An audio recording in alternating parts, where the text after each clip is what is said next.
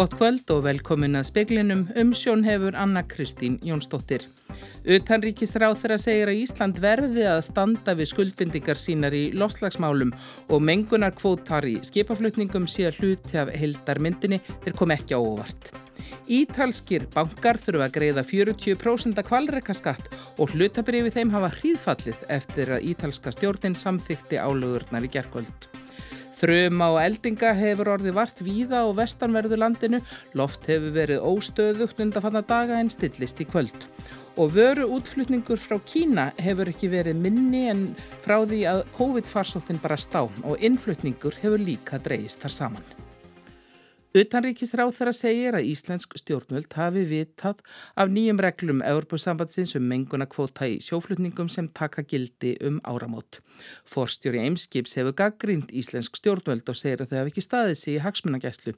Talið er að kostnaður við kaup á losuna kvóta gæti numið 5-6 miljardum. Þórtís Kolbrún Reykjörð Gilvardóttir segir að takast eigi að uppfylla sett markmið í lostlagsmálum þurfi að taka stór skref. Í dag greiðir skipaflótin ekkert fyrir mengun. Uh, almennt eru við að taka skref í þá veru, annars vegar að það, það kosti og hins vegar til þess að ítundir kvata til þess að leita annara leiða. Og aftur, við höfum sagst að vera óháð í arðarna elsniti og við ætlum að koma okkur í aðra orku kosti og það eru margar mismunandi leiðir í því. Þannig að þið myndu styðja þessa reglur um mengunum í ljósi umræðinu um loslasmál. Já, það hefur leiði fyrir að þetta er hluti uh, af þessum, hérna, þessum aðgerðum öllum saman og eins og segja þá eru áhrifin af þessu allt, allt önnur uh, og minni heldur en í flugmálinu sem kalla á sérstakar rástafanir. Saðiði Þórtís Kolbrún Reykjörð, Gilvardóttir Jóhanna Vigdís Hjaltadóttir rætti við hana og nánar verður fjallaðum þetta síðar í speklinum. Veðurstofu Ísland segir of snemt að segja að eldgósi sé lokið við Littlarhút. Frekar að nýr kapli sé að hefjast í eldgósavirkni á Reykjaneskaga. Engin virkni hefur verið við Littlarhút frá því 5. ágúst og síðustu hittamerki sáust frá gerfitunglamyndum degi síðar. Órói við góðstöðunar er álíka og fyrir góðs. Veðurstofan segir að tímin verða að leiða í ljós hvort jarðskjáltavirkni takir sér taki sig upp aftur og það gjósi á ný. Í fers, færslu á vef veðustofan er ítrekkaða enn sé hætta næri góðsvæðinu og þar geti verið gasmengun. Profesor í Hagfræði segi gerlegt að leggja samskonar kvalrekaskatt á Íslenska banka og gert hefur verið á Ítalju. Þó geti verið skinsamlegra að beina sjónum að kerfispundnum vandamálum sem tengist annars vegar fiskveðum og hins vegar smæð Íslenska hagkerfisins. Hlutabref í ítölskum böngum hafa hríðfallið síðasta sólarhingin. Dífunna má reykja til 40% kvalreikaskatts á banka í landinu sem ítalska ríkistjótin samtíkti á fundi í gerðkvöld. Hún segist ætla að nota fjármagnir til að styðja við fólk með húsnæðislán og til að lækka skatta. Hagnaðar bankana hefur aukist mikið á síðustu ársfjörðungum. Sí hækkandi vextir hafa aukið tekjur þeirra af lántakendum og húsnæðislánum hraðar en þeir hafa bætt ávustins barifjörð. Þórólur Mattíasson, professor í Hagfræði Háskóla Íslands, segir þessa ákvörðin ítalska stjórnvalda ekki einstæmi. Spátt, Ungverland og Breitland hafi sett á sambarlega skatta og það hafi gengið nokkuð áfalla laust. Svo getur við líka séð fyrir okkur ákveðin leik sem að gæti færða á stað. Það á að nota fjármunna sem að koma af skattinum til þess að bæta stöðu þeirra sem að verða fyrir barðun á vaktaækunum geta þá ekki bankarnir bara hækkað vextina ennþá meira vegna þess að tekjunum sem að þannig verði til verði notaðar til þess að bjarga þeim sem að fara illa út úr því og bara þannig að við fáum svona vakstahækkunarspýral og, og skattahækkunarspýral. Ég held að það var nú ekki í svo absúrt döðu en þetta er svona umhugsunar efni. Þórólfur segir vel gerlegt að taka upp svofeldan skatt hér á landi, þó sé vart að skoða fleiri möguleika. Nú síðan í íslensku samfengi að þá finnst mér miklu mikilvægara að taka á þeim stöðuga kvalrega sem að fælst í ókeppis aðfendingu aðgangs að fiskimiðan. Það er miklu mikilvægara að líta á þá hluti heldur en að hlaupa til hand og fóta þegar að hagnaður í einstökum fyrirtækjum eða fyrirtækjuhópum hoppar upp eða niður og laga sem sagt svona kerfisbundin vandamál sem að eru í íslenska haugkerfinu sem að tengist annars vegar í fiskveðunum og hins vegar ímjöldlega sem að tengist í hversu lítið haugkerfið okkar er og hversu óviljugir erlendir aðilar eru til að koma og taka þátt í samkjöfni á íslenska markaðum. Saði Þórólu Mattíasson, Karita sem Bjarkadóttir talaði við hann. Þó nokkrar aurskreður hafa fallið í suðaustanverðu Noregi og rúmlega hundrað íbúar hafa verið fluttir í skjól. Engra er saknað. Kona og áttræðisaldri var bjargað úr miðri á og yfir þúsund manns eru einangraðar í bænum Aslag. Rauði krossin flyttur þangað mat og vistir. Mikið úrhæll ef líkavaldið flóðum og öskriðum bæði Noregi og Svíþjóð. Hvasviðri í Danmörku gerir erfitt að hemja þar skóarelda sem brenna í norður hluta landsins. Fulltrúi í mannsalsteimi í Bjarkarlíð segir mikilvægt að þólendum mannsals sé veittur stuðningur hvort sem þeir séu hælist leitendur eða ekki. Margret Steinarstóttir, framkvæmdarstjóri mannreitendaskrifstofu Íslands og fulltrúi í Bjarkarlíðateiminum segir varhugavert að skilja mannsals þólendur eftir berskjaldaða án stuðnings líkt og Blessing Newton sem rúfjöfu fjallaðum að undaförnu. Blessing kom hinga til lands fyrir fimm árum. Hún sótt um hæli en var hafnaðum dvöl af mannúðar ástæðum vegna þess að skilríki hennar voru mögulega fölsuð. Blessing var svift öllum félagslegum stuðningi á dögunum og henni neitað um dvöl. Það þarf alltaf að aðstofa fótan af mannsins jafnvel þó að einstaklingun hafi verið, halnýtingin hafa áttist að í öðru ríki. En er þá ekki varhugavert að svifta þólendur til dæmis húsnæði? Jú, ég myndi segja það og líka sko einstaklingur, það er svona til dæmis Európráðsamningurinn um aðgerði gegn mannsæli hann leggur skildur á aðaldaríkinn og eh, einmitt um þjónustu við við hólendum mannsæls og útvega húsnæði og annað sem nefnsilegt er. En svo er, hann er svolítið svona afmarkandi, hann talar til dæmis um, um eh, fólk sem er löglegast í landinu og, og, og svo framvegð sem þýðir að Evrópuráðsamningurinn nær mögulega ekki yfir aðstæði blessings en samningnum er ætlað að trista stöðu þólenda mannsals. Lögmaða blessings Helgi Þorstinsson Silva tilur þó að samningurinn gildi mögulega. Eftir stendur engoða síður svo hætta að mannsalsfórtalömp lendi aftur í sömu aðstæðin. Er til dæmis það að ef hættir á því að ef einstaklingunum fara tilbaka í sömu aðstæður hann kemur úr, þá sér hætta á því að það, að það þau verið aftur selt mannsali saði Margret Steinastóttir Valur Grettisson tók saman. Óstöðugt loft er á vestanverðu landinu og hafa íbúar á suðvestur og vesturlandi orðið var við þrömur og eldingar. Frettastofu hafa borist fjölmörg símtöl frá fólki sem heyriði þrömugni í höfuborginni. Sjónarvottur sá eldinguslá niður við bossúlur um fimmleitið og korti á vefiðustofunar má sjá eldingar á norður Allandshafi síðustu viku. Það er vesturlut til landsins þakin í rauðum punktum sem tákna eldingar sem löst niður í dag.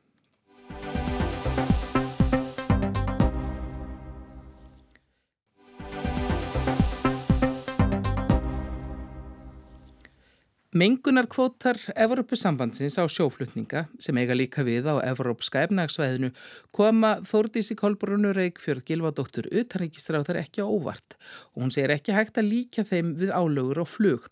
Ísland verði að taka skref til að standa við skuldbindingar sínar í lofslagsmálum. Já, þetta er hluti að þessum stóra hérna, pakka um, um uh, lofslagsmálinn almennt. Þannig að við uh, vissum af þessu, vorum meðutum um þetta. Við funduðum með hagaðilum hér, bæði í lók júni og í júli.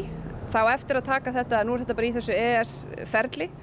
Eh, þessi áhrifin af þessu eru, eru allt önnur og ekki hægt að bera saman við því svo kallega flugmál þar sem við lögðumst í mikla vinnu og náðum í rauninni fram ákunnum uh, svona mótaðarsækjurum og, og hérna, breytingum á því. Uh, þetta er allt liður í því að, að hérna, taka stærri skref í orkurskiptum og alveg óháð ETS-kerfi eða EES-samning eða, eða Evrópussambandun sem slíku að þá eru við sjálf hér á Íslandi búin að setja okkur háleitt markmið sem að Við, ég gerir ráð fyrir að við höfum verið að meina það þegar við sögumst alltaf að fara í þessu orkusskipti og við vitum að, að skipa flotin er um fjórðungur af ólínótkun okkar í dag. Hluti af því fyrir undir þetta ETS-kerfi, útgerðin gerir það ekki. Þannig ef við ætlum að ná því að þá verðum við að, að hérna, taka almeinliskref og til þess þá þarf að vera til orka á Íslandi. Það þarf að vera dýnamist umhverfi fyrir nýsköpun og fjárfestingu í tækni og svona, uh, svona áhugavert fjárfestingu umhverfi og við þurfum að taka þessar hérna, ákvarðanir og þetta er einfallega eh, liður í því. Nú bendir allt þess að það verið miljardar kostnaði sem hafa leggst á skipaflutningana hérna á fórstjóra ymskip sem gaggrindi stjórnvöld já harlega í gerð fyrir að hafa ekki beitt sér í hagsmunagesslu fyrir íslensk skipafélag. Já sko, í þessu tilfelli að þá eru siglingaleiðir hér ekki svona mikið öðruvísi heldur en þar segi lengt heldur en á hérna, svæðinu bara Evropasambandinu, ólíkt því sem áttu við í flýinu. Í dag greiðir skipaflótin ekkert fyrir mengun, uh, almennt eru við að taka skref í þá veru, annars vegar að það, það kosti og hins vegar til þess að ítundir kvata til þess að leita annara leiða.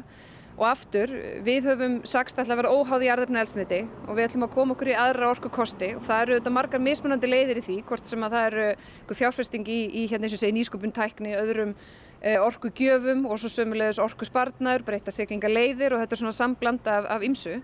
Þannig að e, til þess að ná þeim markmiðum að þá verðum við að, að taka skref og nú er verið að færa skipaflutninga undir þetta ETS-kerfi sem að við vissum og eins og ég segi höfum eh, rætt við hagaðila hér heima.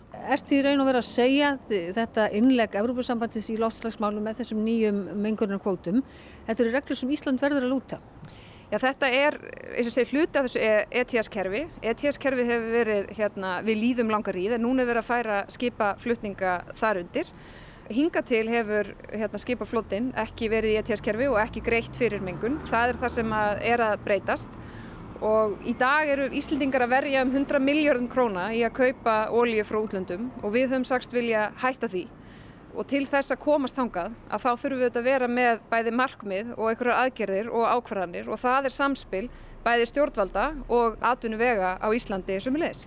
En hver eru næstu skrif? Ætla stjórnvalda að gera eitthvað? Sko núna er þetta, eins og segja, farin í þetta ES-ferli. Það á eftir að taka þau upp í ES-samningin, það á eftir að fara auðvitað í, í gegnum þingið. Þetta eru almenna reglur fyrir allt svæðið og það er vegalengdir hér eru ekki um margt öðruvísi heldur en svona almennt gengur og gerist í Evrópu, þar sé sjóflutninga hérna, leiðirnar. Það sem er kannski öðruvísi hér er að eh, fyrirtækin hérna sigla í gegnum færiðar þannig að þau mun ekki borga nefnum 50% en ekki 100%. En þetta bara er að fara sína leið, auðvitað eftir að ganga frá ímsuðin í öðrum hlutegandi ráðuneytum og annað slíkt en, en við gerum ráð fyrir því að innlega þetta eins og uh, annað. Í mínum huga er alveg ljóst að það er áskoran sem við stöndum frammi fyrir til þess að ná þau markmiðum sem við höfum sett okkur hér innanlands og hefur ekkert með Evrópusambandi að gera. Það er snúa því að það sé næg orka til staðar og þar þurfum við að gera betur. Það er snúa því að hér sé alvöru umhverfi til fjárfestinga og nýsköpunar í nýri tækni og svo framvegis uh, og við tökum þessi skref sko hérna heima alveg óháð því hvað er að, að, að hérna, ákvarðan sem eru teknar um ETS-kerfi inn í EES-samningum en þetta er vissulega hluta því og þetta ETS-kerfi á almennt við í, í þessum atvinnu vegum, hvort sem það er uh, flug og svo núna uh, skipasiglingar og svo framvegis. Það er liður í því að vera inn í hluti af þessu sameilega kerfi þar sem við getum þá selt verur og þjónstu. Þannig að þið myndu styðja þessa reglur um engunum kvotan í ljósi umræðinu um loslagsmál? Já, það hefur leiði fyrir að þetta er hluti uh, af þessum, hérna, þessum aðgjörðum öllum saman og, og eins og segja þá eru áhrifin af þessu allt, allt önnur uh, og minni heldur en í flugmálinu sem kalla á sérstakar rástafanir. Saði Þórdís Kolbrún Reykjörg fyrir Gilvardóttir, Jóhanna Vigdís Hjaltadóttir talaði við hana. Hlutabrifa vísitölur í Hong Kong og á meilandi Kína tóku dífu í dag þegar frá því verð greint í Peking að vöru útflutningur frá landinu höfði dreyist saman um 14,5% í júli frá sama mánuði í fyrra. Innflutningur dróst einnig saman um 12,4%. Þessi tíðindi þykja benda til þess að efnahagsbatin í Kína verði hægari en sérfræðingar höfðu búist við. Sérfræðingar sem Reuters fréttastofan leitaði til hafðu spáð að samdráttur í útflutningi yrði 5%. Einhver fréttaskýrandi norðaði það svo að tíðindi dagsins bentu til þess að efnahagsleg eftirkost COVID-farsóttarinnar virtust ætlað verða langvarandi í Kína. Samdrátturinn í útflutningi í síðasta mánuði er sá mesti síðan í februar 2020 þegar heims faraldurinn brast á. Þá namn samdrátturinn yfir 17%. Allt frá því í oktober í fyrra hefur útflutningur dreyist saman að frátöldum lítilsáttarvexti í mars og april. Í júni namn samdrátturinn hátt í 12,5%. Hvergi í heiminum brúðust stjórnvöld harðar við því að hefta útbreðslu koronaveirunar enn í Kína. Svoköllu núlstefna var, við líði með stöðugum skemunum við veirunni. Útgangubanni var líst yfir víða um land sem staðir í lengri tíma. Íbúar í Shanghai, efnahags höfuðborg landsins og þeirri fjölmennustu fengu til dæmis að kenna á þessum ströngur ástofunum þegar þeim var bannað að fara úr húsi um tveggja mánada skeið í fyrra. Þrátt fyrir eh, þessu öfgafullu viðbröð er skýringa og samdrætti í útflutningi í varnings frá Kína ekki síður að leita í ástandinu í helstu viðskiptaríkjum landsins en innanlands eftir að atvinnulífið er farið að taka við sér að nýju, segir Nick Mars, viðskiptafréttamaður Breska ríkisútvarpsins BBC í Singapúr. Þau glíma mörg hver við mikla verðbólgu og háa vexti og geta því ekki varið jafn háum fjárhæðum til kaupa á kýmverskum varningi og fyrir heimsfaraldur. If you're a policymaker in Beijing, well, it's difficult to say what you should do about that. You can't just force other countries to start buying more of your goods. Staðan er því snúin fyrir ráðamenn í Peking, segir Mars. Þeir geta náttúrulega ekki skikkað aðrar þjóðir til að kaupa meira af vörunum þeirra. Hann bætir við að efnahagslífið heima fyrir hjálpi heldur ekki til. Eftir spurn eftir vörum og þjónustu hefur tekið hægar við sér en margir byggust við. Tryggja ára harðar sóttvarnar ástafanir virðast hafa haft þær afleðingar að almenningur haldi að sér höndunum. Víðast hvarum hinn vestræna heimvext landsframlegslan fyrst og fremst vegna líflegrar enganeyslu. Sésat Kvasi, sérfræðingur í kýmverskum efnahagsmálum, segir að ráðamenn í Peking vildu vissulega óska þess að svo væri einni raunin í Kína. I would say that needing good retail sales and consumption numbers is important to the economy, but this is still driven by and large by the industrial sector. Ég tel að þrátt fyrir að það sé mikilvægt fyrir hagkerfið að smásölu verslun og enga nesla sé í blóma, skipt hún ekki höfuðmáli í Kína, heldur yðnaðargerinn, segir Sessat Kasi.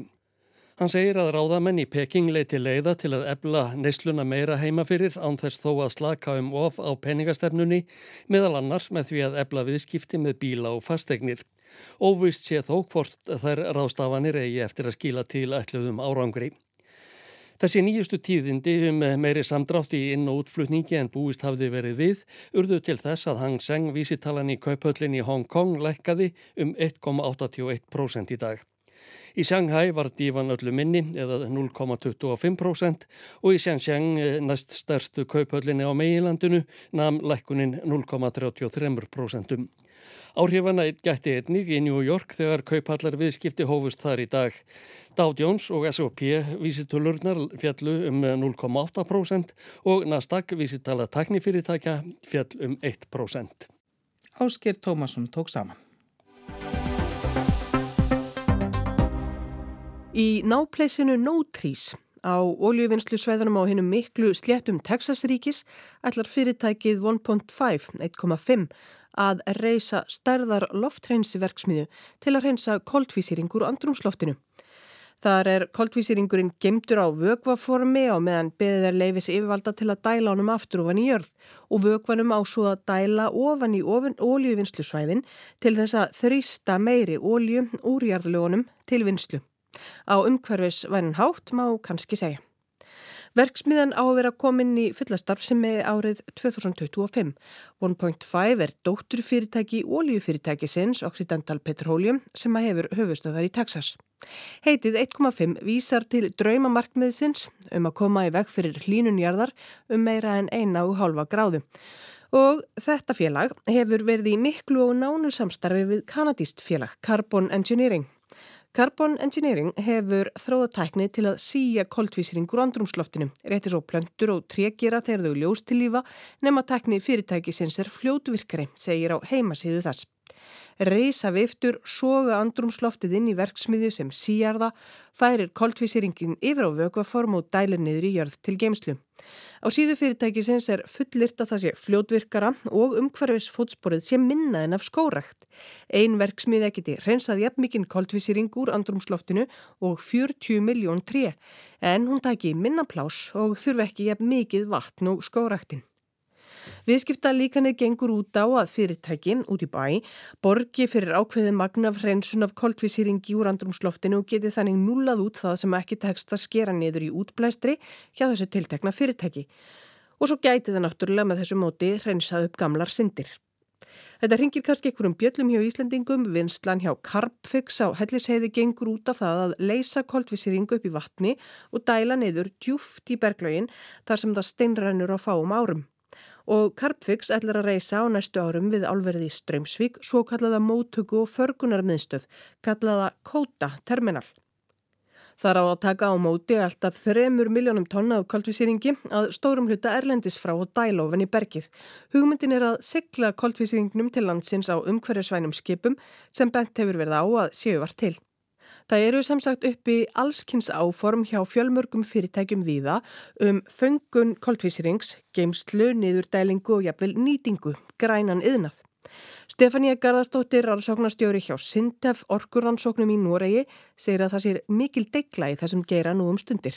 Það er mjög margt að gerast. Flest okkar hafa heyrt mikið um loftslagsbreytingar og miklaðurinn veru tæknið þróun sem er í gangi til að finna skilvirkar og góðar lustnir til þess að reyna að vinna á móti þessum loftslagsbreytingum og einn af þessum lustnum þá er, loft, er loftreynsistöðar og mikið rannsóknum í gangi til þess að finna uh, góð, góð yðinferðli, góð, góð efni, góðar, já, koma að segja, bara góðar lausnir sem sem að virka þá er hægt að treysta á og þurfa ekki að nota allt og mikið af orgu til þess að keira þessi ferðli og það er mikið rannsóknum í gangi bara hérna í Nóri til dæmi sem líka bara út um allan heim og mikið, alls mikla fjárfestingar sem eru í, í þessum geira e, núna þessar dagana. Er þetta farið að skila einhverju eða er þetta ennþá mjög mikið á svona nýsköpunnar og þróunar ferli og fyrstu skrifunum í, í því að þetta skili einhverju fyrir umhverfið? En svo ég sé að þá er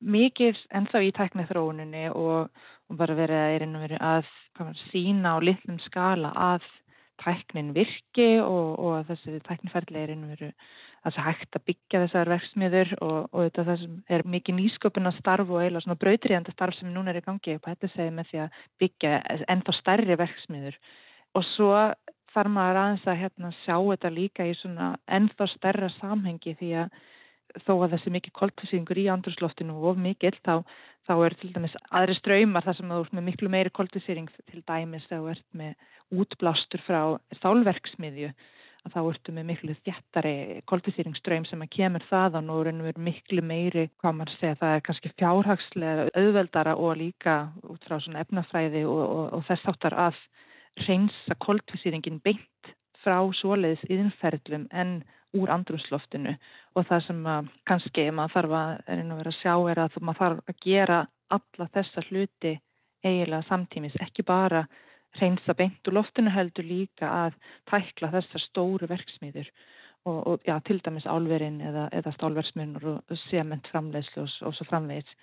Þannig að þetta þarf verið að vera allt saman að haldast í hendur ef við eigum að virkilega að finna fyrir áhrifum þessara tæknilausn. Þannig að framtíðin væri eiginlega að það væri loftrensun bara alveg við verksmiðuna annars vegar og svo væri svona viðtækari lofthreinsun bara eitthvað staðar, kannski annar staðar sem að tekur það sem að annar staðar fellur til. Já, sko, þannig að reynum veru ertu þá með nokkun aðeins öðruvísi eh, svona hreinsuna ferðla sem að bara ráðast, kann man segja, beint á skorsteinina frá þessum stóru verksmiðum og, og lofthreinsustöðunar sem að reynum veru vinna bara með andruslofti svona almennt, myndi þá þurfa að vera staðsettar Já, á ákveðnum stöðum þar sem að þú getur einhverju verið fengið allt ferðlið, þú veist, að sletta en þannig að meiki sensk bæð út frá fjárhagslegum viðmiðum og, og hvað hægt er að gera við koltvísýringin, hvort það sé hægt að dæla honum beint niður og, og, og einhverju hafa að reyna loftslagslausn eða hvort hann sé nýttur í einhvers konar framleiðslu eftir að, til dæmis í, í byggingarefni eða eitthvað svoleið þar sem að koltvísýringurinn er þá bundin fastur og fer ekki út í umhverju aftur. En sá hluti er að reyna að vera svo lítill með við allt sem að helst þarf að dæla niður til þess að fara að finna fyrir virkilegum áhrifum og, og fá raunverulega mingun í, í losunna. Þannig var hann talað oft um það hérna lengi tekur sjórin við og þurft að fara að reynsa sjóin. Hversu lengi tekur jörðin við? Jörðin, svona þegar kemur að því að, að dæla niður koltísýringi.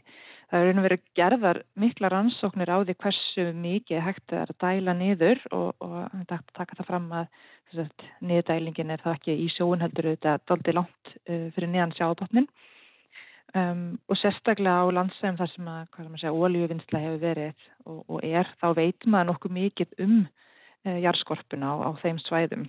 Og rannsóknir þína að að það er raun og verið ekki það sem er að fara að hindra eða setja okkur einhverja ramma eða, eða já, þrengsli kringum það. Við, það er hægt að dæla niður eh, miklum koltusýringi mörgum miljónum tonna næstu áratugina aldir á þess að við fyllum allt. Þannig að það er verið ekki það sem að hindra það að þessi ferli komist á stað og þess að verksmiður verði stærri. Það er meira segja, fjárhagslega hliðin og pólitísku vilji og, og, á, á heimsmæli hvar það fannig sé. Það, það er bara allt og ódýrt í dag að menga og að losa koltisvering út í andurslofti og það er oft dýrsta fargunum. Saði Stefania Garðarstóttir, Ragnhildur Torlasíus rætti við hana.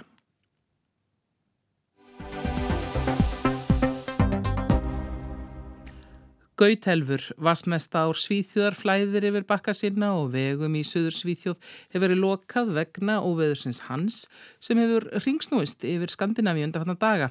Öllskriða hreyfi með sér hús í Noregi í dag og mörg hundru normenn hafa þurft að fara úr húsum sínum, tafir er á samgöngum víða.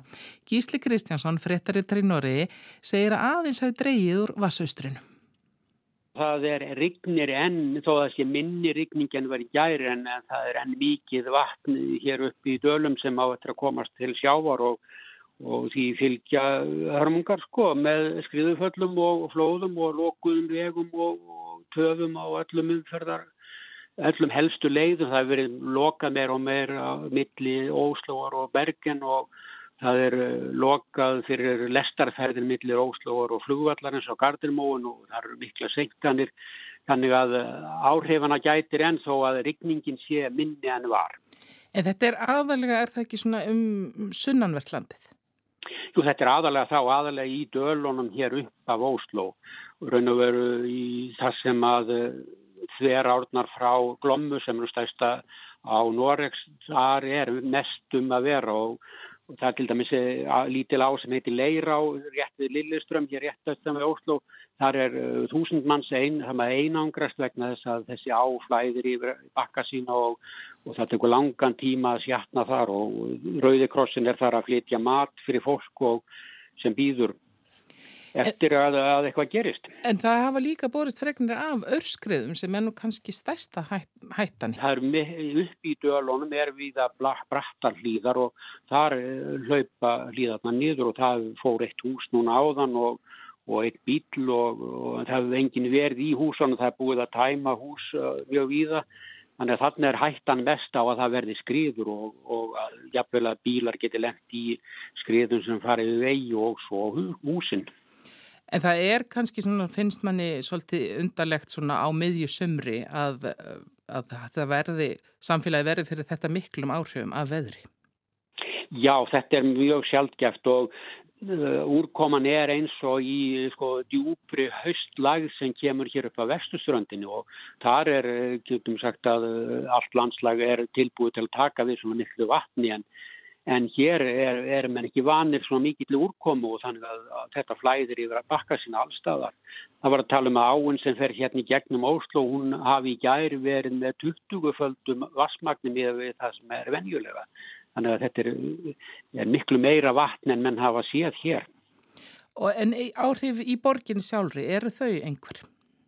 Þau eru miklu minni, það er bæði ringt aðeins minna hér en svo er líka það eh, með njóta þess að vatnasviðið hér við Óslo er minna heldur en það sem er vatnasviðið hjá Glommu eða vatnasviðið hjá við Drammen þannig að, að það er svona ber minna á þessu hér. Það er fyrst og fremst fyrir austanborgina sem að fólk hefur lengt í vandræðum og, og, en Ósloabúar hafa svona sloppið fyrðu vel. Það vekkjórið stórslis eh, sem vitaður um menn hafa svona verið í hættu það einan einangluðust eh, þrýr þýskir ferðamenn út á eigi og þeim var bjargað í þyrlu núna, tókst að bjarga þeim á land þannig að þeir sluppu með skrekkin og, og fólk hefur svona sloppið með skrekkin og það er, það er einangraða og, og svona erfitt að komast á milli, það eru tafir á flugi, miklar tafir á flugi en eh, engin slís og teljandi síður saði Gísli Kristjánsson og þá að veðri hérna heima. Það verður hæg breytileg átt og öflugir skúrir sunnan og vestan til hitti við að 10 til 18 stig,